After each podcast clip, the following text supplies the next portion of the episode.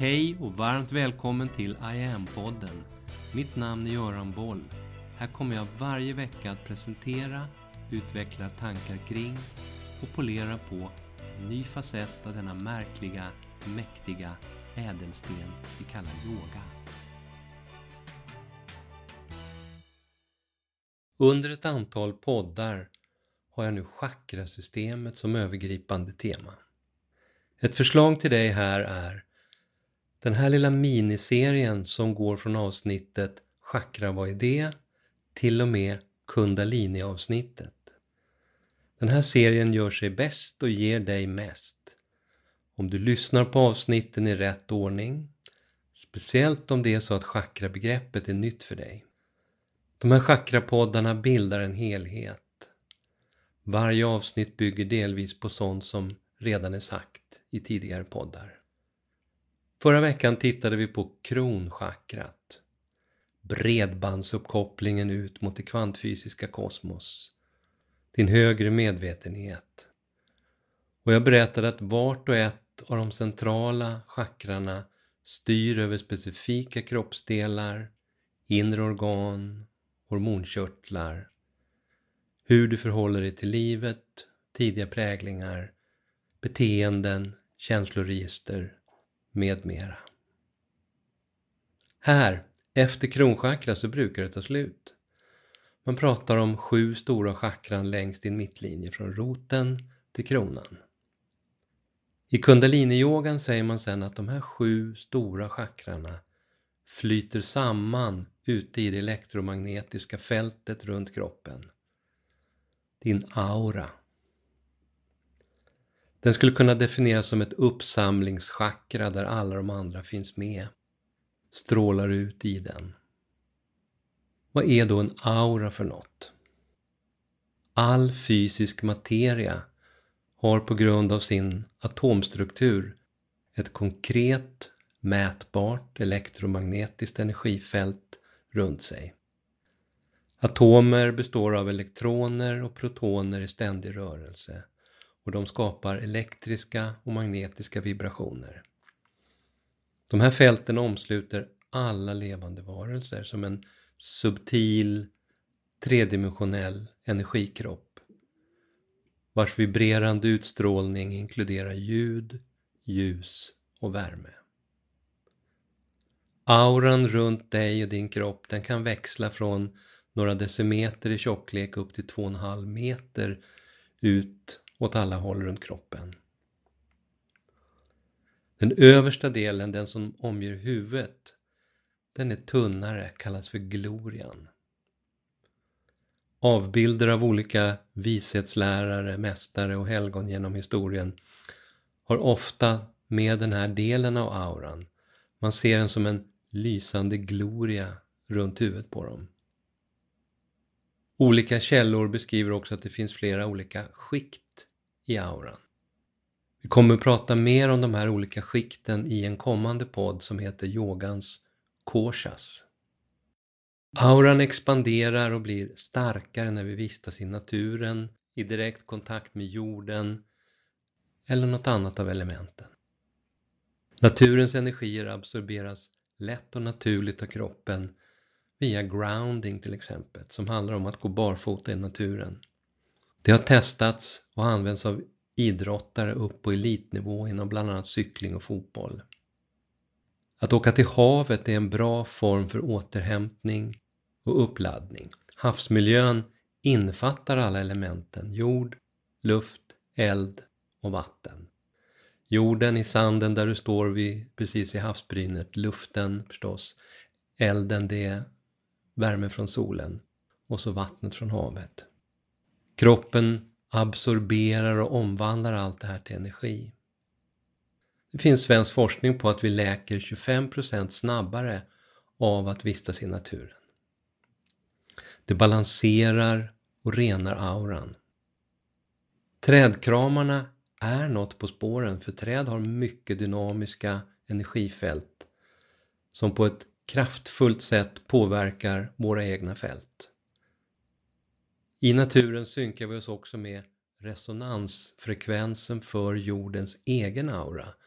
det elektromagnetiska fältet runt planeten som vibrerar med en frekvens på cirka 7,83 Hz. Det här fältet kallas Schumann-frekvensen, kan du googla på. Matchar de alfavågor vi skapar i oss själva i hjärnan när vi sluter ögonen, tar några djupa yogiska andetag och känner att vi mår bra. I alfatillståndet kommer vi åt kreativitet, vi får lättare att lösa problem, komma på nya idéer och så vidare. Ett bra tillstånd för kreativ visualisering. Och alfavågor återfinns inom intervallet 7 12 Hz där Schumann-frekvensen återfinns. Chakrasystemet förmedlar den energi som kommer och går i kroppen. Vetenskapen har länge intresserat sig för våra personliga elektromagnetiska fält. Redan på 1920-talet så utvecklade en engelsk vetenskapsman Walter J. Kilner en slags glasskärm som gjorde det möjligt att se auran. På 1940-talet kom det ryska paret Kirilian med en metod för högspänningsfotografering där auran framträder med fantastiska färgspel på fotografiska bilder. I USA så genomfördes på 1970-talet forskning vid The School of Medicine på University of California av forskaren Thelma Moss. Hon kunde i sin forskning se en tydlig växelverkan mellan förändringar i det elektromagnetiska fältet och olika mentala tillstånd.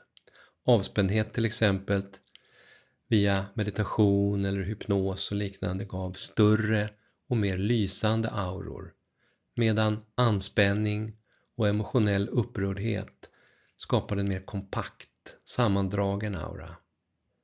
Akupunkturpunkter framställdes eller uppträdde som små energibubblor på huden.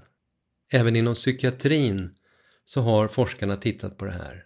Två amerikanska läkare, Michael Schachter och David Shankin, kopplade auratänkande till Kirilian-fotografering och kunde till exempel påvisa en nästan total avsaknad av elektromagnetisk utstrålning från fingertopparna hos patienter med akut schizofreni. När du träffar en annan människa så påverkas era auror i det mötet. När en naturlig positiv relation uppstår så matchar era frekvenser varandra. Intima relationer, sexualitet, skapar väldigt invecklade, kraftfulla effekter i auran som sitter kvar länge. Med andra ord, energimässigt sett så finns det inga one night stands. kan vara något att tänka på. I yogan så jobbar vi framförallt med andning och stora rörelser med armar och ben för att skapa rörelse, flöde och balans i auran. Det finns många bra meditationer i det här syftet. En av mina favoriter är mantrameditationen Ad Gurena Me som med sina stora armrörelser kopplar ihop hjärtchakra och aura. Du hittar övningar, pass och meditationer för auran i online Nästa vecka ska vi titta närmare på kundalini och kundalinikraften. Den mycket speciella energi som i specifika sammanhang rör sig upp genom och länkar ihop hela chakrasystemet. Vad är det för något? Kundalini. Mer om det nästa vecka där jag också berättar om min egen kundaliniupplevelse på 90-talet. Min katt Tao, han är en mästare på energier. Fullständigt medveten om och uppkopplad på dem. Det är alla katter. Jag var med en gång för ett par år sedan i en stuga ute på Värmdö. Han och hans bror Neo låg och sov gott och tungt i varsin fåtölj. Helt utslagna.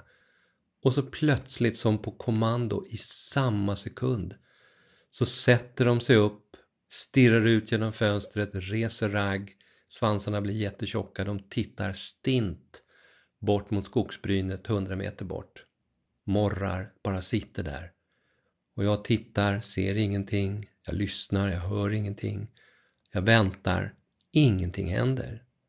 Två, tre minuter senare så kommer plötsligt en älg ut ur skogsbrynet och lunkar makligt över tomten.